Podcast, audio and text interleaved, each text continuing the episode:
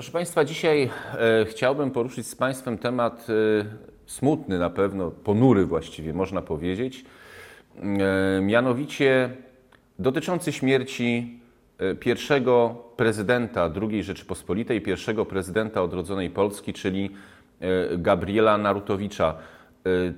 Naprawdę podkreślić trzeba to wydarzenie, bo to jest wydarzenie brzemienne w konsekwencje, brzemienne w skutki w jakimś sensie symboliczne. Proszę zwrócić uwagę na to, że ta śmierć w zamachu em, pierwszego prezydenta e, Polski e, w jakiejś mierze, no po pierwsze w takiej sferze symbolicznej, e, zakończyła taką piękną polską baśń o Polsce i o Polakach y, jako o państwie i o narodzie, który nigdy w swoich dziejach, oczywiście to było uproszczenie, ale który nigdy w swoich dziejach nie dopuścił się królobójstwa. No to było w jakimś sensie y, królobójstwo. Po drugie, e, te wydarzenia związane z najpierw z wyborem, a potem ze śmiercią y, Gabriela Narutowicza ujawniły rzeczywiście ogromne natężenie takich złych emocji y, politycznych. My możemy być y, oczywiście szczerze dumni z tego, że Polacy w Polsce międzywojennej bardzo interesowali się polityką. Oni żyli tym państwem. O tym świadczą między innymi, mm, świadczy między innymi procent wyborców, który brał udział w kolejnych wyborach do parlamentu. E, Natomiast tam również ujawniały się takie dość y, ciemne, złe, y, złe emocje i y, temu dały, y, to dało rzeczywiście efekt w postaci y, śmierci Narutowicza. I wreszcie y, kwestia trzecia, mianowicie, a być może dla Państwa to zabrzmi nieco współcześnie, ale proszę zwrócić uwagę, że dumni z tego, że II Rzeczpospolita powstała jako państwo y, demokratyczne, mamy wszak konstytucję y, marcową y, w tym czasie. No, warto mimo to zauważyć, że śmierć Narutowicza, a właściwie to, co się działo wcześniej, to znaczy podważanie jego wyboru, mm, no właściwie dowiodło takiego dość cienkiego pokostu przywiązania do zasad demokratycznych. To znaczy, demokracja jest dobra wtedy, kiedy wygrywamy my. Demokracja jest zła wtedy, jeżeli w wyniku procedur demokratycznych do władzy dochodzi obóz czy postać z obozu y, przeciwnego. To widać wyraźnie w 1922 roku. No dobrze, proszę Państwa, ale zastanówmy się, jak do tego y, doszło. Oczywiście lata 1918-1922 to są lata, y, które można by określić mianem y, takiego y, okresu budowania filarów Polski międzywojennej, jeżeli chodzi o kwestie ustrojowe. Y, To jest Sejm Ustawodawczy. Sejm Ustawodawczy uchwala małą konstytucję, potem uchwala y, konstytucję y, marcową. Y, Również dokonuje ogromnej, tytanicznej pracy nad poszczególnymi ustawami, które z jednej strony mają zespolić trzy y, zabory w jednolite, zintegrowane państwo y, polskie i mają nadać temu państwu również taki pewien impuls do mm, rozwoju. To koniecznie trzeba, trzeba docenić. No ale mamy również w roku 1922 jesienią wybory do Sejmu pierwszej kadencji. Ten pierwszy Sejm to był Sejm Ustawodawczy, konstytuanta, natomiast Sejmy liczymy od jesieni y, 1922 roku, Sejmy Polski międzywojennej, to już jest inny Sejm, bo to jest Sejm, a właściwie parlament dwuizbowy, a zatem taki, jaki projektowała Konstytucja Marcowa, zbudowany y, z y, Izby Niższej, a zatem z tego właściwego y, Sejmu, no i z Izby Wyższej, czyli, mm, czyli z Senatu. Wybory, które odbywają się jesienią 1922 roku,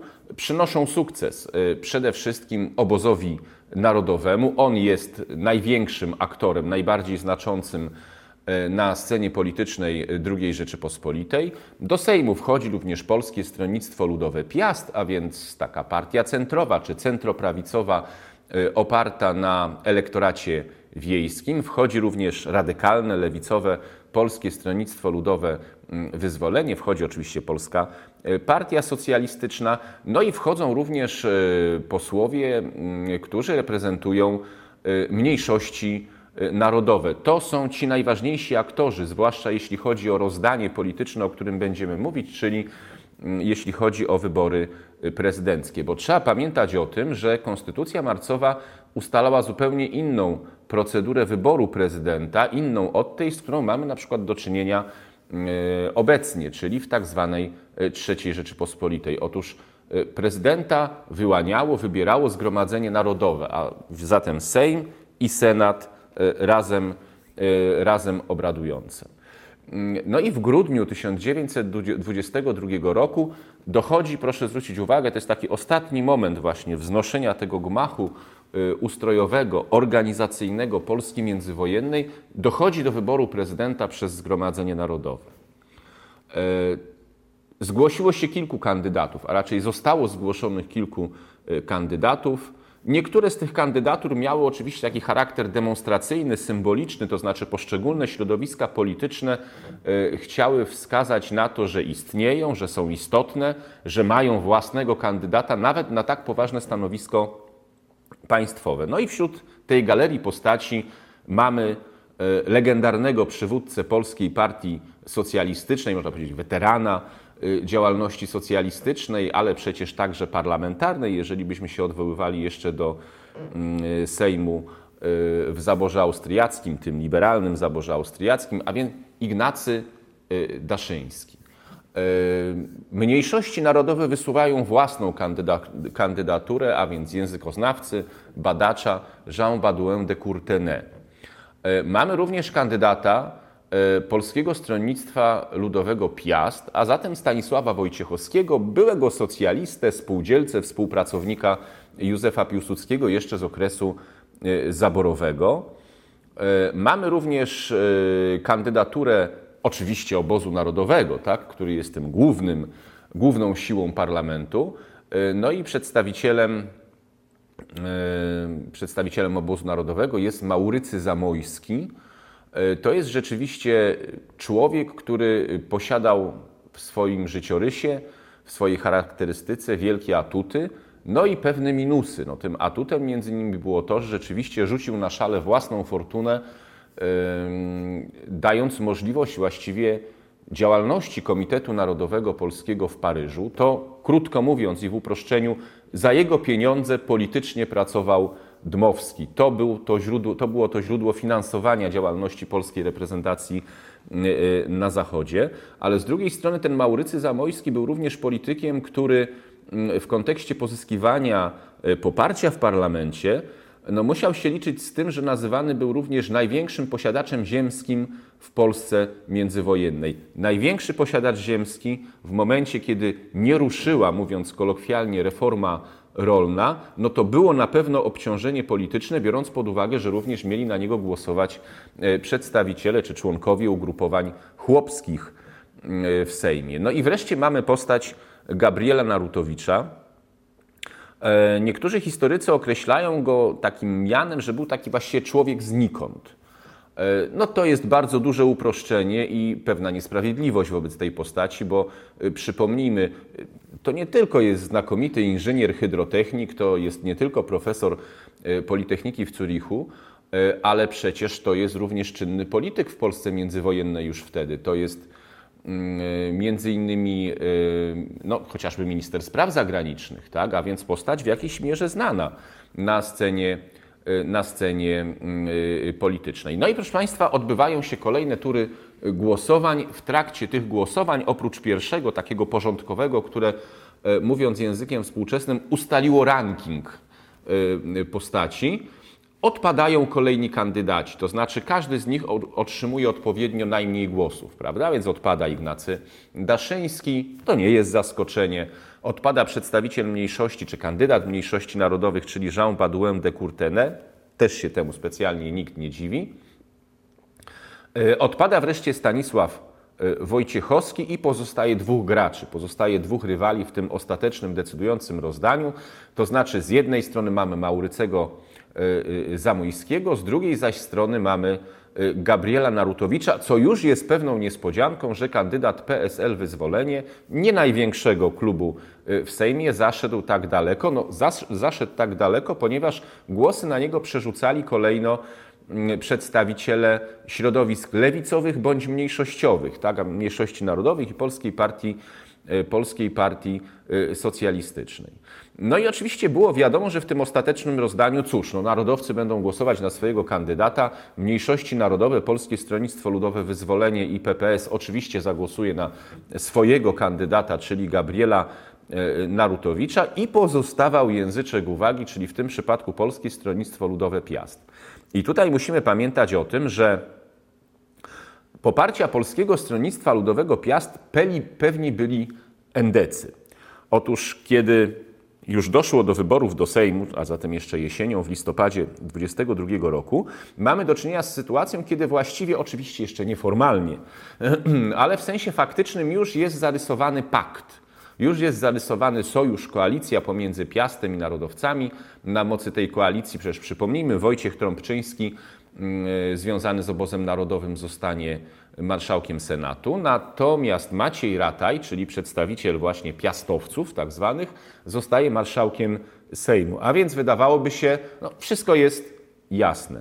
No i tu właśnie dochodzimy do tego problemu, o którym mówiłem wcześniej. Jak posłowie chłopscy z Polskiego Stronnictwa Ludowego Piast w sytuacji, gdy reforma rolna, mówiąc umownie jeszcze, leży odłogiem, e, mogą głosować na największego ziemianina II Rzeczypospolitej.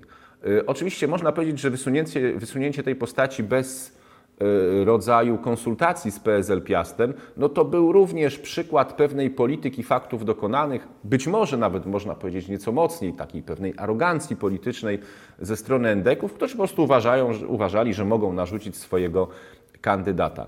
Tak czy inaczej, ostateczne głosowanie jest wielkim zaskoczeniem i prawdziwym politycznym trzęsieniem ziemi, bo oto okazuje się, że prezydentem zostaje wybrany Gabriel Narutowicz, co jest ogromnym wstrząsem i zaskoczeniem i rozczarowaniem dla obozu narodowego i jego sympatyków. Jak to? My, najpotężniejszy obóz polityczny, my, którzy wygraliśmy wybory, my, którzy pracowaliśmy od drugiej połowy XIX wieku nad utrzymaniem polskości. Mamy swojego przywódcę Romana Dmowskiego, mamy atuty w postaci udziału w konferencji pokojowej w Paryżu, e, mamy sieć organizacji społecznych, jesteśmy zakotwiczeni w społeczeństwie. My nie możemy wybrać naszego, e, naszego prezydenta. No i oczywiście rozpętała się e, kampania niechęci wobec nowego prezydenta. Przypomnijmy nawet wtedy, kiedy jechał po to, by złożyć przysięgę. To było konieczne do przejęcia y, urzędu. Odbywały się manifestacje, protesty, blokowano drogę dojazdu. Policja była trochę bezradna, potem oskarżano policję o brak aktywności, ale tutaj trzeba zwrócić uwagę na to, że to były dziwne manifestacje i policja po raz pierwszy z czymś takim się spotkała, bo oto na ulicę nie, nie wychodzili rośli bojówkarze y, z kijami czy z kamieniami gotowi do walki z policją. Natomiast na ulicę wylegały całe rodziny. Tam były kobiety, dzieci, które e, wykrzykiwały przeciwko Narutowiczowi, które blokowały mu przejazd i właściwie policja nie bardzo wiedziała, co robić, w jaki sposób ma się, mm, ma się zachować. Gabriel Narutowicz złożył przysięgę, potem Gabriel Narutowicz przejął władzę z rąk ówczesnego naczelnika państwa, czyli y, Józefa Piłsudskiego. No i wydawałoby się, że być może ta sytuacja polityczna w jakiś sposób będzie się, y, będzie ulegała takiemu pewnemu y, ułagodzeniu. No i niestety 16 grudnia 1922 roku podczas swojej wizyty w salonie sztuk pięknych w Zachęcie Gabriel Narutowicz zostaje zamordowany. Strzały oddaje Eligiusz Niewiadomski, e, polski malarz, sympatyk e, obozu e, narodowego. I oczywiście to jest jego decyzja osobista. Zresztą on ponosi za nią najwyższe konsekwencje, dlatego że zostaje, zostaje skazany na karę śmierci, zostaje oczywiście mm, stracony. Sam nie prosi o łaskę. Godzi się z konsekwencjami swojego swojego czynu. Ale niewątpliwie ten indywidualny krok, krok y, Eligiusza Niewiadomskiego, no jednak się wpisuje w pewną atmosferę, tak? Znaczy w atmosferę y, takiego ogromnego natężenia, ogromnego napięcia politycznego, gdzie rzeczywiście Polska podzieliła się na dwa wzajemnie złorzeczące sobie obozy, to znaczy tak, centrolew, można powiedzieć, i prawica plus, plus prawe centrum, jeżeli można użyć tego Y, określenia. Y, I to jest takie właściwie pierwsze podważenie y, demokratycznej decyzji w Polsce y, międzywojennej. To jest również wydarzenie, które miało szczególnie zapaść w pamięć Józefowi y, Piłsudskiemu, któremu w końcu no, jednak krewny, którego krewny został y, zabity y, w zamachu i które też zraziło go do y, pewnych reguł y, demokratycznych, które zezwalają na tego typu y, działania. A cóż, demokratyczna Rzeczpospolita nie przetrwała dużo dłużej. Przypomnijmy, już 4 lata później, w 26 roku, Józef Piłsudski, który odszedł oddając władzę y, Gabrielowi Narutowiczowi, y, dokona y, zamachu stanu, dokona przewrotu majowego i rozpocznie budowę państwa według swojej recepty państwa o charakterze autorytarnym, które charakteryzowało się tak zwanymi rządami silnej ręki.